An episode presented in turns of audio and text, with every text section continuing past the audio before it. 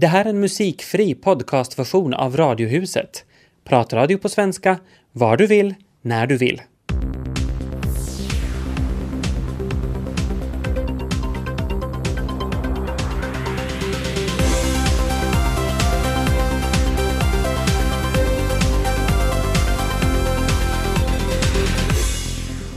Här börjar Radiohuset tisdag med Tina Grönros i Ekenäs, Tobias Larsson i Helsingfors och massor med intressant på menyn.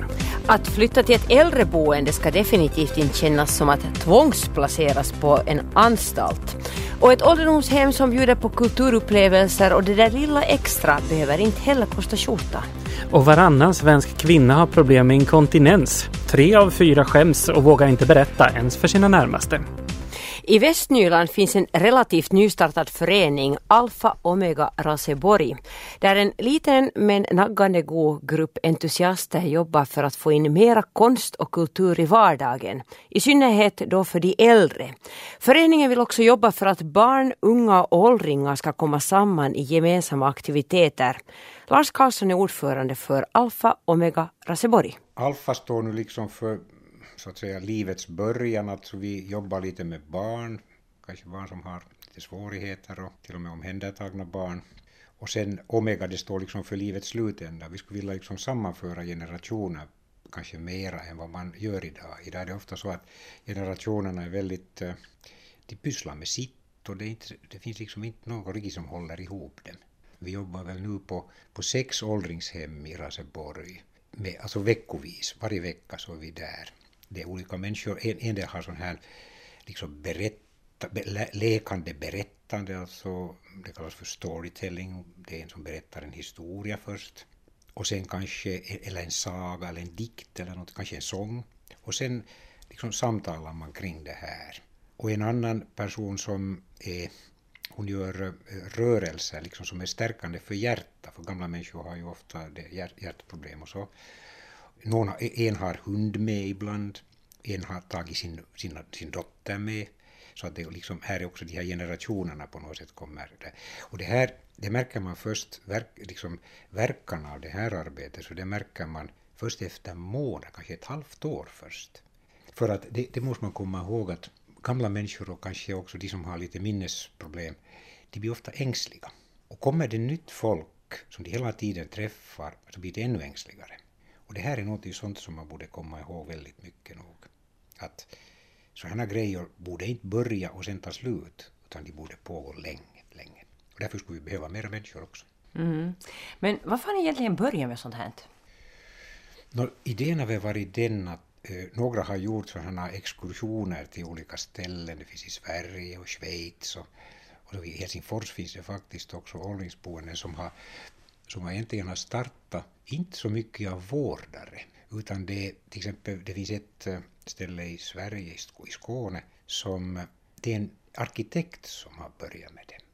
Och, där är liksom, och hon är fortfarande med, alltså att arkitekter, konstnärer, målare, eh, designare, vårdare, läkare, att alla är med från början och de är hela tiden med. Det är inte så att arkitekten ritar ett hus och så försvinner han eller hon utan hon är med liksom hela tiden i processen och utvecklar det här vidare. Och det tror jag är ganska unikt nog. Och det är något sånt som kanske har fått oss att, att vi, något sånt här skulle vi vilja ha någon gång igen. Där många yrkesgrupper skulle vara involverade och för långa, långa tider. Inte bara så att man gör sin grej och så försvinner. Mm. Men hur ser du, Lars Karlsson, att, att ett sånt ideal äldreboende eller överhuvudtaget äldreomsorg skulle se ut? No, nu är det ju det som, som väl man strävar till överallt idag, att, att det där, det som, fast du då inte bor hemma längre, så det ställe där du bor så ska påminna om hemmet. Och då kan man ju lite förvåna sig hur, över hur, hur man gestaltar mycket idag. Vita väggar och sånt som all forskning säger att för en gammal människa som har dåligt med synen och så, vitt är inte bra. Och det där att, att liksom själva uppbyggnaden av de här husen redan och utformningen. Det är inte bara fråga om nu trösklar och hissar och sånt, utan det är så oändligt mycket mera som hör till ett hem. Att varför ska det sen plötsligt vara som ett sjukhus nästan när man blir äldre? Det, det kan ju inte vara riktigt bra det. Ja, hur skulle du själv vilja bo när du blir äldre? Jag, jag sysslar nu med ett och annat nu och så länge som man nu är någorlunda vigulant så, så gör man ju det och då hoppar man i bilen och far och så, så, så gör man det. Jag spelar lite och sjunger och, och så vidare. Jag seglar och sånt här. Nå, det vet jag ju att det kommer en dag när det är slut med det också. Men, men det, det skulle inte få bli för abrupt det där. Ska vi ta en sån enkel sak som så att om jag har då, ska vi säga måla i mitt liv så skulle jag vara hemskt glad om jag skulle kunna på det boende dit jag då hamnar att någon skulle vara där och, och, och måla, kanske erbjuda något sådär. Eller om jag, om jag har då odlat några morötter och persilja och så, att i det där åldringshemmet så skulle det finnas en liten täppa där jag skulle ha några kvadratmeter och, och där skulle jag sen stocka på med, med min rollator kanske och göra det lilla jag kan. Så, så skulle jag vilja att det skulle vara. Alltså vi hade ett seminarium här i höstas, då var det en, en person från Umeå som kom hit och berättade om hur de gör det. Och där har de faktiskt, eh, jag tror det var så, de hade så ordnat att på kulturbyrån i staden Umeå, som ju är mycket större då än Raseborg, men så där, där finns det faktiskt människor, tror jag, till och med flera, som koordinerar allt som har med åldringsvård att skaffa. Och det är inte bara vården det handlar om, utan där i det där, så där är skolor med, där är konstnärer med, där är allt vad föreningar och orkestrar, de är med och de, de träffas några gånger i året och tittar sen med, med, med kalendrar och allting att, att vad skulle du kunna göra ska vi säga nu, onsdagen den 19 april. Skulle mm. någon kunna vara i det där ålderdomshemmet och göra någonting?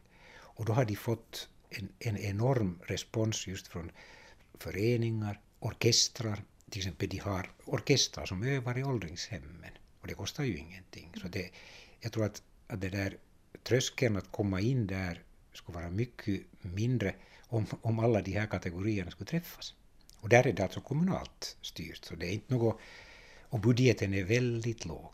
Som händer utöver den där vanliga ja, vården och ja, rutinerna. just det. Det var, det var körer och det var eh, yrkesskoleelever som kommer dit och snickrar åt mm. dem och, och frisörer, frisörlärlingar som går dit och kammar håret på dem och, och så vidare. Men hur mycket ska man då sträcka sig ut som ideell förening till exempel, eller hur mycket ska skötas på, på frivillig basis? Och hur mycket ska skötas med hjälp av skattemedel? No, det finns ett eh, åldringshem i Helsingfors där de har, då, de har någon slags konstnärlig verksamhet varje dag. Och eftersom man har då ersatt, ska vi säga, medicament med sån här verksamhet, så ligger det här åldringshemmet, det ligger ungefär i mellanskiktet i Helsingfors när man tänker på pengar. Så det, det tyder då på att om du kan aktivera människor, att de får inspirationen andra vägar än via medikamenter som kostar ganska mycket, så blir det inte heller dyrare. Jag trodde själv att det här skulle vara det dyraste i Helsingfors, men det är det definitivt inte.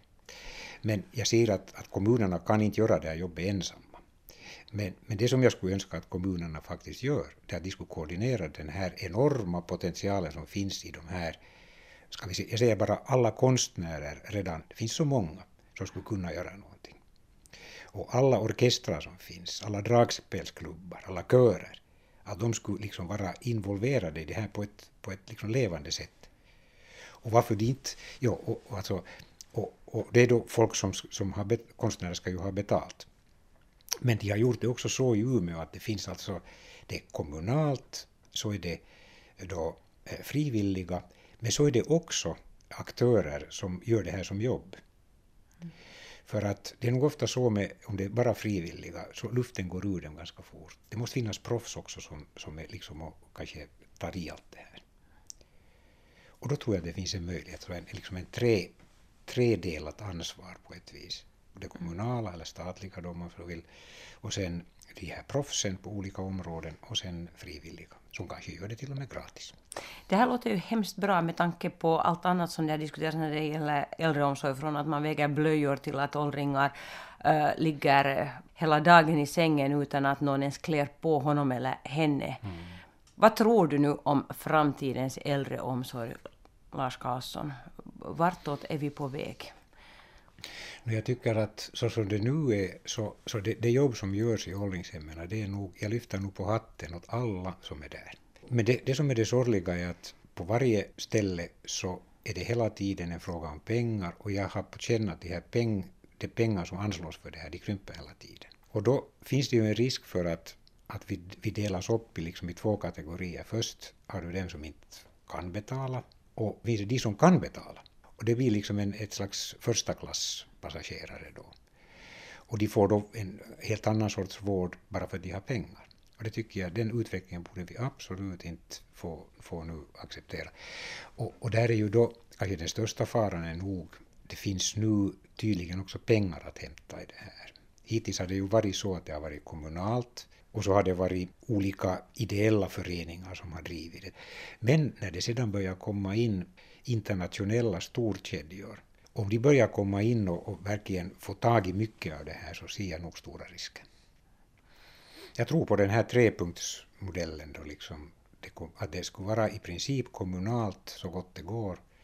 Att det skulle också finnas privata boenden så, men att det inte skulle få bli så där hemskt mycket annorlunda utan att de skulle, de skulle så att säga fungera på, mer eller mindre på ideell basis. Så att personalen får sin lön naturligtvis, men inte, inte hemskt mycket mer. Och sen att den här mängden av frivilligorganisationer, de skulle kunna involveras i ett gemensamt projekt. Och inte så att de gör det nu bara kanske någon gång och så gör de ingenting mer.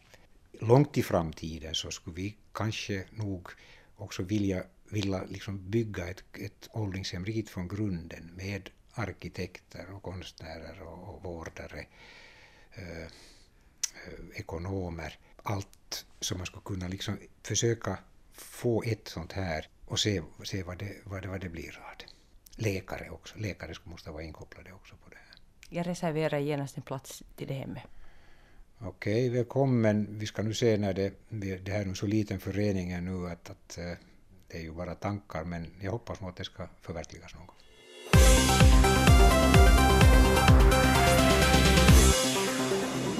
Svenska kvällstidningen Aftonbladet, kvalitetstidningen kom jag på mig själv med att nästan kalla dem, men eh, nej. Men kvällstidningen Aftonbladet hade nyligen en special på temat inkontinens. För det finns en ny undersökning i Sverige som visar att varannan svensk kvinna har problem och kissar på sig med ojämna mellanrum. Tre av fyra drabbade tycker dessutom att det är så pinsamt att de inte vågar berätta för någon, inte ens för sina närmaste. Den här undersökningen är visserligen beställd av ett sånt här eh, inkontinensskyddsmärke så de talar väl lite egen sak men, men ändå, det måste ju ligga någonting i det här tycker man ju. Extra alarmerande är det ju i vanlig ordning att det är så vanligt och ändå ses som så skamligt att man inte kan prata om det. Mm, menar, och det här funderar jag mycket på. Jag menar när kvinnor i dagens läge, vi pratar om allt. Vi pratar om våra bröst, vi pratar om uh, menstruation, vi pratar om att föda barn. Och då kiss, jag menar, no, jag menar, och det är ju fullständigt, jag menar, det är ju inte ens någonting häpnadsväckande eller Nej. någonting som är väldigt ovanligt. Uh, jag insåg att jag vet ingenting om det här så jag kollade upp vårdguiden.se och där läste jag mig till att inkontinens är mycket vanligare hos kvinnor än hos män och det beror på ren fysik och orättvist men så är det.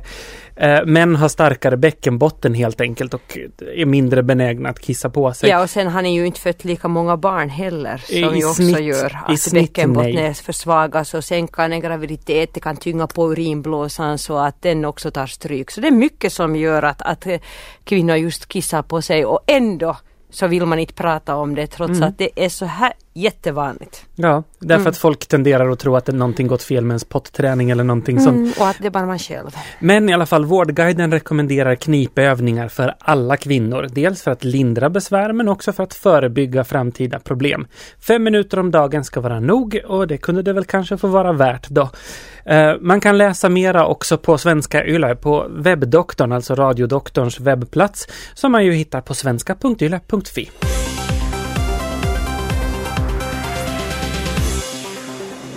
Ja, dagens eh, liv är ju ganska hektiskt eh, för många i alla fall. Eh, att man kommer nästan med andan i halsen till både det ena och det andra. Det är kanske inte så för alla, men för, för rätt många i karriären i alla fall. Och på Folkhälsan Botnia så har man nu kommit upp med en idé som handlar om eh, livsstilsanalys. Jag sitter här tillsammans med Mina Kullas och eh, Andrei Janshin. Andrei är läkare här och vet förstås mycket om det rent medicinska då. Men jag kan börja med dig Minna. Varför har ni tagit in det här just med livsstilsanalys på agendan? Det här är ett jättebra verktyg att kartlägga en persons livssituation. För att man kan ju få fram allt från stress, alltså om man har stress i livet och hurdan återhämtningen är, hurdan sömnen är, kvaliteten på den och motionen också, att är det hälsofrämjande motion som man sysslar med eller är det kanske för tung motion och man borde ändra på stilen. Tanken med den här kartläggningen då som vi kallar för livsstilsanalys är ju att, att man ska skapa en livsstilsförändring på basen av de resultat som man får från den här livsstilsanalysen. Andrei Jancin, eh, du som sitter inne på det medicinska, så hur går det till konkret det här? Det går till konkret ganska enkelt på det sättet att nu har vi en sådan redskap som man sätter på, på, på det där människor då och, och, och mäta fyra dagar i rad och, och helst två arbetsdagar, två, två och två helger. och då på det sättet då kartlägger man både återhämtning och, och belastningen. Det som det här vi kom på, det är just att, att om man till exempel hur mäter man ork? Går att mäta orken? När vi det här inom rehabiliteringen och jobbade så länge och man pratar bara om Norrland så har vi 25 års erfarenhet vad gäller rehabilitering så lagt vi märke att, att för vissa kunder det, det räcker med det här, det här är klassisk form av rehabilitering med mer så medicinsk betonad form av rehabilitering.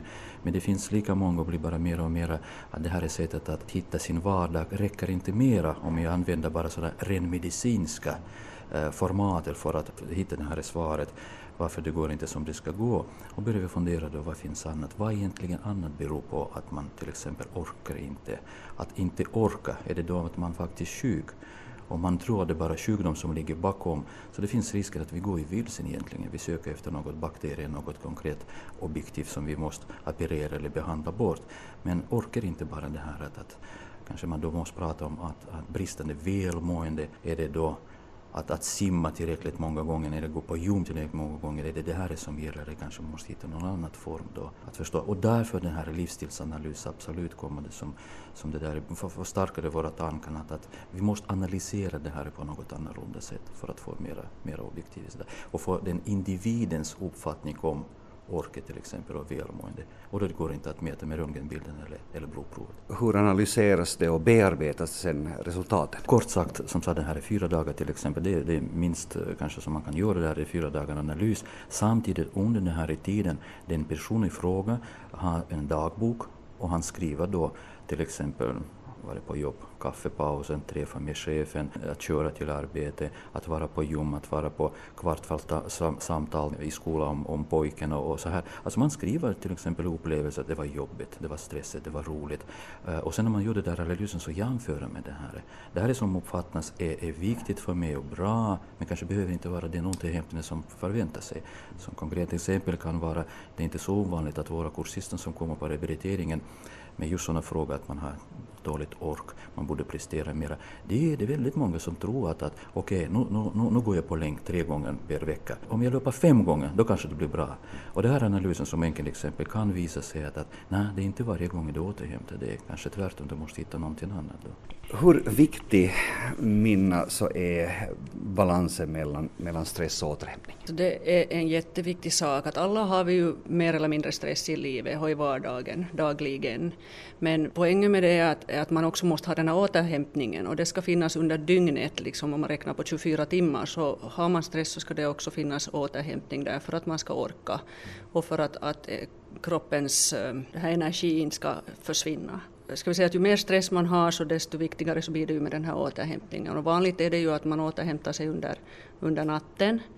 Men det behöver inte vara så. Det kan ju hända att man sover dåligt eller kvaliteten på sömnen inte är så bra. Men då finns det ju personer till exempel som kanske har en jättebra återhämtning när de ligger på soffan och läser en, en bra bok eller så. Det kan också vara alldeles tillräcklig återhämtning. Men, men poängen är ju det att man ska ha det någon gång, någon gång under dygnet så ska man återhämta sig. För att annars orkar man helt enkelt inte. Och, och då förstås att om man inte orkar och man känner sig trött och sliten så småningom så, så påverkar det ju ens motståndskraft och så och man kanske blir sjuk av det. Man tycker ju ändå att var och en av oss borde förstå sammanhanget och sambandet men tydligen är det inte så enkelt. Nej, jag tror nog människan är funtad så att man, man vet ju att man borde äta kanske bättre. Man, man vet vad man borde äta och hur ofta man borde äta och man vet att man borde motionera men finns det kanske en lathet i en eller så där, jag vet inte, förnekelse som gör att man kanske inte tror på det för man faktiskt ser det svart på vitt. Och det är det som jag tycker är så bra med den här livsstilsanalysen och, och den här mätaren som har den mäter ju hjärtats pulsvariationer. Du kan inte lura den, du kan inte ljuga för den. Och man kan inte heller de här tre, fyra dagarna som som den här mätningen utförs så, så du kan inte heller då leva exemplariskt och tro att det kommer något perfekt resultat från den. Utan det finns kvar ett minne i kroppen som visar hur du tidigare har levt och det kommer fram då i resultaten som visar att nej, att det har inte heller varit så bra som du försöker påvisa. Hur pass mycket elektroder och batterier, tekniska saker har man inkopplad på sig när man gör det här? Verkligen väldigt enkelt, det är eh, otroligt enkelt. Alltså det är en sån en liten, liten mätare som hänger ungefär i, i bankkortstorleken på två elektroder på kroppen och man glömmer ganska lätt det där. Så det är ingenting, man kan gå i duschen, man till och med kan, kan sitta i bastu. Det som jag tänker bara eh, säga en sån tillägg till minnas, minnas det här berättelse, att det här mätningen för sig är förstås väldigt viktigt och ju mer preciserad mätningen har vi desto bättre förstås mm, resultaten. Men, men det som är viktigt förstås att vad, vad gör man med det här mätare? Hur gör man med det här mätare? Och där kommer just det där att, att man måste veta då, precis som du sa, nu vet vi alla att vi ska leva i förnuft och, och vi ska äta och vi ska röra på sig och sånt. Men att, att motivera sen, att hitta den, den, den länk till att motivera den här konkreta individen att göra faktiskt för den här förändringen. Det är det som jag är absolut övertygad det, det, det är vår personal, min personal kan det där är väldigt bra. Att hitta den här motivationen och förstå att det här är faktiskt det är en konkret mål och inte bara önskan för, för sig själv som, som behöver ingenting att göras när man önskar sig någonting. Så att, att själva metret är viktigt men att sen förstås det återstår massor av arbete efteråt att, efter det här metret. Och avslutningsvis kanske den riktigt stora frågan.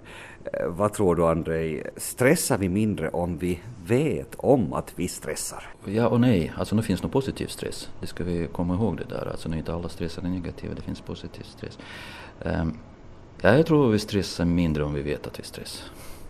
Vad tror du Minna? Jag tror som, som André att det finns ju alltid stress i ens liv, det kan man inte liksom undgå, men man kanske kan svänga det till något positivt, det vill säga kanske ta det lite lugnare fast det är en stressig situation, men att man lite lugnar ner sig och, och tänker på sig själv emellanåt. Stress finns, har funnits och kommer att finnas alltid och där är det viktigt att skilja på positiv och negativ stress. Men det är inte meningen att, att man mäter och ser det här var alldeles för stressigt. Just som Minna sa förr, att vi letar efter de återhämtningsmöjligheterna då. Att var är det, vad är det du för dig och enbart för dig är personligen den bästa återhämtningen. Men det ska vi också komma ihåg att den här livsstilsanalysen är ju inte sen då lösningen på alla ens problem utan man ska också komma ihåg att man måste göra någonting, göra en livsstilsförändring för att, att man ska må bättre. Det hjälper inte att mäta för mätandets skull.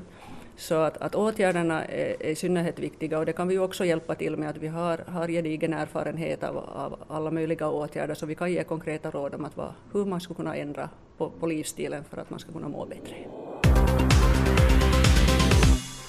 Skilsmässor, förälskelser, drömmar, konflikter och ensamhet. Bland annat det här utlovas i en ny realityserie som startar i en av våra TV-kanaler ikväll. Iholla lär inte vara någon helt vanlig serie. Nej, den handlar om sex finländska kvinnor som under ett halvt år har filmat sig själva och sin vardag. Allt från den här 16-åriga skolflickan som tycker att ingen förstår henne till eh, en uttråkad hemmamamma, frustrerad karriärskvinna, några sorglösa men samtidigt också kärlekstörstande singlar och så förstås den här frånskilda ensamförsörjaren som redan passerar 40-strecket. Alltså det här låter ju nästan som en 13 på dussinet amerikansk tv-serie där man då har anlitat en hop eh, manusförfattare som kokar soppa på en alldeles för gammal och för rostig spik. Men det här är alltså riktigt på riktigt nu och dessutom i Finland. Vad tycker du om det Tobias? Kan det bli en tittarsuccé? Eh, jag skulle säga att det beror på hur det är gjort. Om det är liksom snärtigt klippt och snyggt och lite spännande. Om det känns lite kittlande sådär som att stå och kika in i grannens brevlåda och se vad de gör där inne i liksom grannhuset. Då tror jag att det kan funka. Mm -hmm. Åtminstone i Israel, där det just där som det tv-konceptet har utformats, har serien Connected blivit jättepop. Och jag måste ju nog säga att jag har mot min vilja blivit lite nyfiken på den här serien.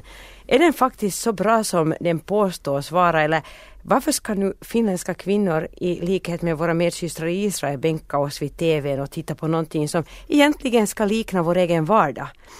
Ta nu sen till det här med, jag vet inte med snabba klipp som du sa, men jag tänker mera på de här skumpiga bilderna och amatörmässiga vinklarna och det här hemmavideostuket som vi har att vänta oss eftersom seriens huvudpersoner till största delen faktiskt filmar sig själva och sin omgivning. Om jag hade varit producent så skulle jag ju ha fuskat lite. Jag skulle ju ha gett dem en kamerakurs, lärt dem att det här är en bra vinkel, det här är en bra vinkel, rör inte på kameran när du filmar. Och sen skulle jag ha kallat in ett gäng professionella eh, filmare också som, som filmar bilder som man kan klippa ihop med. Sånt här som tv-tittarna inte ska märka men som gör en snyggare produkt. Kanske det, det gör de gör Kanske har de gjort så. Mm, samtidigt som jag säger, jag njuter ju lite om de filmar sig själva så att, de, att vinkeln blir från hakan uppåt så att man alla får såna här dubbelhakor. Det, skulle jag gilla.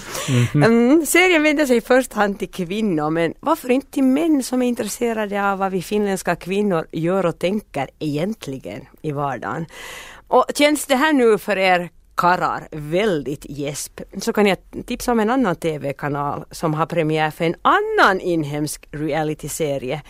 Ett stycke faktiskt macho vardag i form av Matti Nykänen. Bäst tror jag att ladda upp med en massa chips för den här tisdagskvällen kan bli hur intressant som helst ännu. För några år sedan sjöng man i SFPs kampanjsång att gamla tanter är morgens. Man sjöng mycket annat i den där sången men det var faktiskt när jag hörde den så, så var det det här med gamla tanter i morgen som, som satt sig fast i min hjärnbark riktigt ordentligt. För jag har nämligen alltid tyckt det egentligen. Att gamla tanter är ganska morgens. Jag vill nu i och för sig börja med en disclaimer här också och poängtera att, att jag vägrar åldersbestämma gamla tanter. Helt enkelt, no, delvis för att inte kränka någon men också delvis för att, eh, men delvis också för att eh, hålla min egen rygg fri i det här fallet. Det finns många olika sorters kategorier av tanter det mest självklara är, är, är tanter i den traditionella bemärkelsen. Tanter med knotterbur, tanter med stickning på gång, tanter som rullar tummar. Jag tänker på den traditionella byråsekreteraren, växeltelefonisten. Det här var min första kontakt med tanten på arbetsplatsen. Hon hette Raja och hon var jättefin. Och hon visste allt som pågick i det huset hon jobbade i, eller som vi jobbade i. Precis, hon visste vem som var på semester var, hon visste vem som hade ihop det med vem och hon visste ungefär vad folk tjänade. I lön till och med. Fantastisk kvinna. Men jag kommer ihåg att hon pratade oavbrutet och så rullade hon på tummarna. Sen, min andra favoritkategori är definitivt pantertanter. Och nu menar jag nödvändigtvis inte pantertanter som bara söker sällskap av yngre män, eller varför inte kvinnor, utan, utan pantertanter, eh, kvinnor i karriären, kvinnor som, som har kommit väldigt, väldigt långt i karriären och som helt enkelt står på sig, vågar stå på sig. Inte för att det egentligen ska behövas, men vi lever nu i en värld där det nu kanske lite behövs. Kvinnor som inte är rädda att ta för sig. Jag älskar de här två. Och på, egentligen, om man jämför pantertanterna och de här traditionella tanterna så är de på många sätt väldigt, väldigt lika. Skillnaden är egentligen bara tillvägagångssättet. Oftast är det nämligen så att pantertanterna, de har formell makt. De har lärt sig att ta makten och det reds inte att visa sin makt, använda sin makt och det är bra. Det är mycket bra. Sen de här traditionella tanterna, de är mycket farligare. För de sitter nämligen ofta på informell makt, nämligen information. De kan vara den där leende tanten med, med som är lite kanske lite rundnet och, och mysig. Men om du inte gör som hon vill så får hon någonting hårt i blicken. Och plötsligt så märker du att väldigt mycket av det som du kanske vill göra på arbetsplatsen är väldigt, väldigt svårt. Dina samtal kanske kopplas lite snett.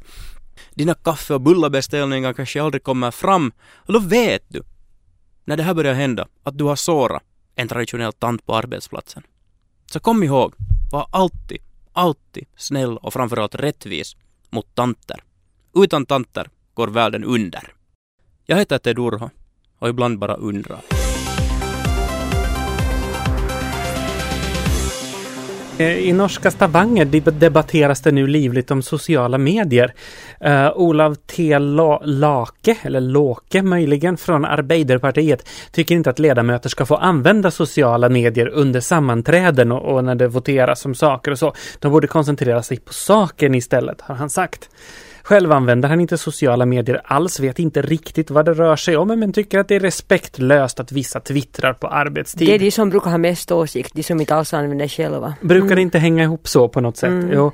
Flera yngre ledamöter går nu emot honom och Tina Bru från Höjre menar att eh, man twittrar om politiska frågor och brukar ha bra diskussion på de sociala medierna och få med väljarna och de som faktiskt eh, inte sitter i det här rummet. De brukar komma med på ett riktigt bra sätt. En förlängning av demokratin anser hon. Ja, jag håller med. Mm. Och hon skulle förstå kritiken om ledamöterna hade ägnat sig åt spel, om de hade spelat liksom Farmville eller någonting sånt. Uh, men, men, det är inte det det rör sig om, utan, utan det handlar helt enkelt om att, om att twittra om det som för sig går. Och hon säger att det exempelvis inte är förbjudet att läsa tidningen under sessionerna. Det kanske det också borde vara i så fall om man ska koncentrera sig. Alldeles. Dessutom tar tidningen mycket mer utrymme än den lilla plattan. Och så prasslar den. Jo, jag mm. stör. Förbjud tidningar, förbjud ja, alla tidningar. För, bort med tidningar. Liknande fall har dis diskuterats tidigare i Bergen, i Trondheim och i Oslo. Och där har man kommit fram till att de positiva effekterna är större än de negativa. Att det är bra för demokratin helt enkelt. Mm. Men ledamöter uppmanas ändå att använda sitt goda omdöme vad gäller sociala medier. Det är bra. Borde de inte göra det hela tiden, folkvalda som de är? Turerna runt Bil och Transportarbetarförbundet går vidare. I söndags publicerade Helsingin Sanomat uppgifter om att Hilka Ahde och Timi, Timo Räty skulle haft ett förhållande och att detta skulle ligga bakom den vuxenmobbing som Ahde nu anklagar Räty för. Jag frågade Svenska Ylets Nyheters inrikeschef för politik och ekonomi, Anne Suominen, hur hon reagerade när hon såg den här artikeln. No, jag blev ganska chockad. Jag läste den flera gånger om, att har jag nu förstått det här rätt? Och vem är det som säger vad här? Eh, vad finns det för bevis för det här? Är det relevant i det här sammanhanget? Och, och det, här, det är självklart att jag funderar över att hur man själv som journalist skulle bete sig när man hör sådana här rykten. Och jag skulle inte ha publicerat det. Hur påverkar det debatten? Hur relevant är det för den här diskussionen huruvida de haft ett förhållande eller inte? No, det är ju klart att nu vänder man varje sten för att hitta de här orsakerna. Om brytningen har skett så att säga över en natt för ett par år sedan, det finns det ju bevisligen bevis på, så, så är det ju någonting som har skett där. Och eh, nu, nu har ju både Hilka Ahde och uh, själv förnekat att de skulle ha haft en relation och att brytningen skulle ha berott på det. Så, så det ska vi väl tro på. Men hur relevant det är att hitta sådana här orsaker så visst kan det vara relevant att hitta orsaker men, men det måste helt enkelt finnas belägg för det för att gå ut och säga någonting sådant. Ja, vad kan man publicera utan källor eller bevis som man har gjort i det här fallet? No, vi har ju exempel till exempel på ur Helsingin Sanomat för ett par år sedan då de hade en stor grej om sextrakasseringar i riksdagen. Och det var en grej som var mm, gjord utgående från anonyma källor. Det finns i vissa fall frågor som vi måste lyfta upp utan att eh, ange namn. Vi måste lita på anonyma källor men de måste vara dubbelcheckade, de måste vara många. Eh, här fick Helsingin Sanomat en fällande dom, om jag minns rätt. För att eh, anklagelserna då mot enskilda riksdagsmän var så grava och ingen källa kom fram med namn. Men, men, men det, det, är en gränsdragning det här. Det är varje gång lika svårt att bedöma. Men för mig är det nog väldigt, väldigt viktigt att, att vi är bombsäkra på vad vi säger och att vi har källor som också i värsta fall är beredda att stiga fram. Helsingin Sanomat har gått ut nu och bett om ursäkt för den här publiceringen. Vad hjälper en ursäkt när man har publicerat sådana här uppgifter? Nå, skadan är ju redan skedd. Och dessutom så bad de om ursäkt bara av Hilka Ahde, inte av Mikko Räty, vilket jag tycker är ganska underligt. Om vi tittar på hur kvällstidningarna betedde sig dagen efter att de här uppgifterna i Helsingin Sanomat, eller ryktena då hade publicerats där, så reagerar jag då på att uh, åtminstone den ena kvällstidningen drog en stor bild över ett uppslag på Mikko Räty och Hilka Ahde där hon stod böjd över honom med tungan, om nu inte hängande i hans öra, så nästan ändå. Och, och det här visar ju hur, hur liksom kvällstidningarna sen går vidare på en sån här grej och uh, vilka liksom smaskigheter man utvecklar, även om det inte finns något bevis för att de skulle haft en relation. Skadan var skedd och de kommer båda att få leva med det här ryktet oberoende av vad som nu egentligen har hänt. Vad säger det här drevet om medieklimatet i Finland? Eh, no, hur ska vi säga, det här mediedrevet så beror ju förstås på att dels har vi Hilka Ahde som är en ganska känd person. Hon är gift med Matti Ahde som fick gå från Veikkaus på grund av anklagelser om sexuella trakasseringar. Det ren i sig gör att, att tidningar kastar sig över det här. Mikko Räty är en mycket kontroversiell person, AKT, och han har demoniserats, tycker jag, under åren ganska ordentligt. AKT har demoniserats sedan tidigare på grund av sina hårda tag i strejker och avtalsförhandlingar. Här finns liksom alla ingredienser för att eh, göra det här stort. Eh, samtidigt så är ju det som har hänt mobbning. Det är fruktansvärt allvarligt. Och jag tror att det ändå är bra att det har gjorts så här stort och lyfts så här mycket fram för att mobbningsproblemen eh, faktiskt ska lyftas på bordet. Det har ju visat sig nu att det förekommer också till exempel i andra fackförbund. Men när nu en stor tidning går ut och publicerar sånt här som man skulle kunna rubricera som skvaller och sen ber om ursäkt för det. Hur påverkar det journalistikens trovärdighet? Eh, jag tror att det är ganska illa för journalistikens trovärdighet. Eh, jag tycker att man redan en längre tid har sett att, att eh, också så kallade seriösa medier tänjer på den här gränsen. Vad är skvaller och vad är relevant på riktigt för, för nyhetsförmedlingen och för, för liksom informationsförmedlingen. Vi diskuterar på redaktionen ganska ofta eh, kanske inte riktigt den här typen. Menar, för oss var det självklart att vi går inte ut med sådana här uppgifter och hävdar att de har haft ett förhållande, Räty ah, det då vi inte vet det. Men, men det finns andra fall där vi har fört diskussioner att är det här faktiskt relevant? Eller är det bara, hur ska vi säga, kvällstidningsjournalistik? Att det är det här, menar, man säger ju ofta att men det är det här människor vill ha.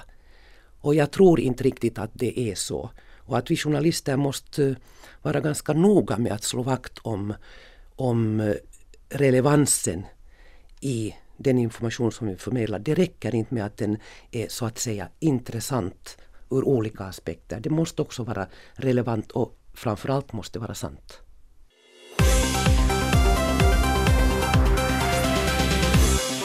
Det här var en musikfri podcastversion av Radiohuset som sänds i Radio Vega måndag till torsdag. Mer information om programmet hittar ni på svenska.yle.fi radiohuset.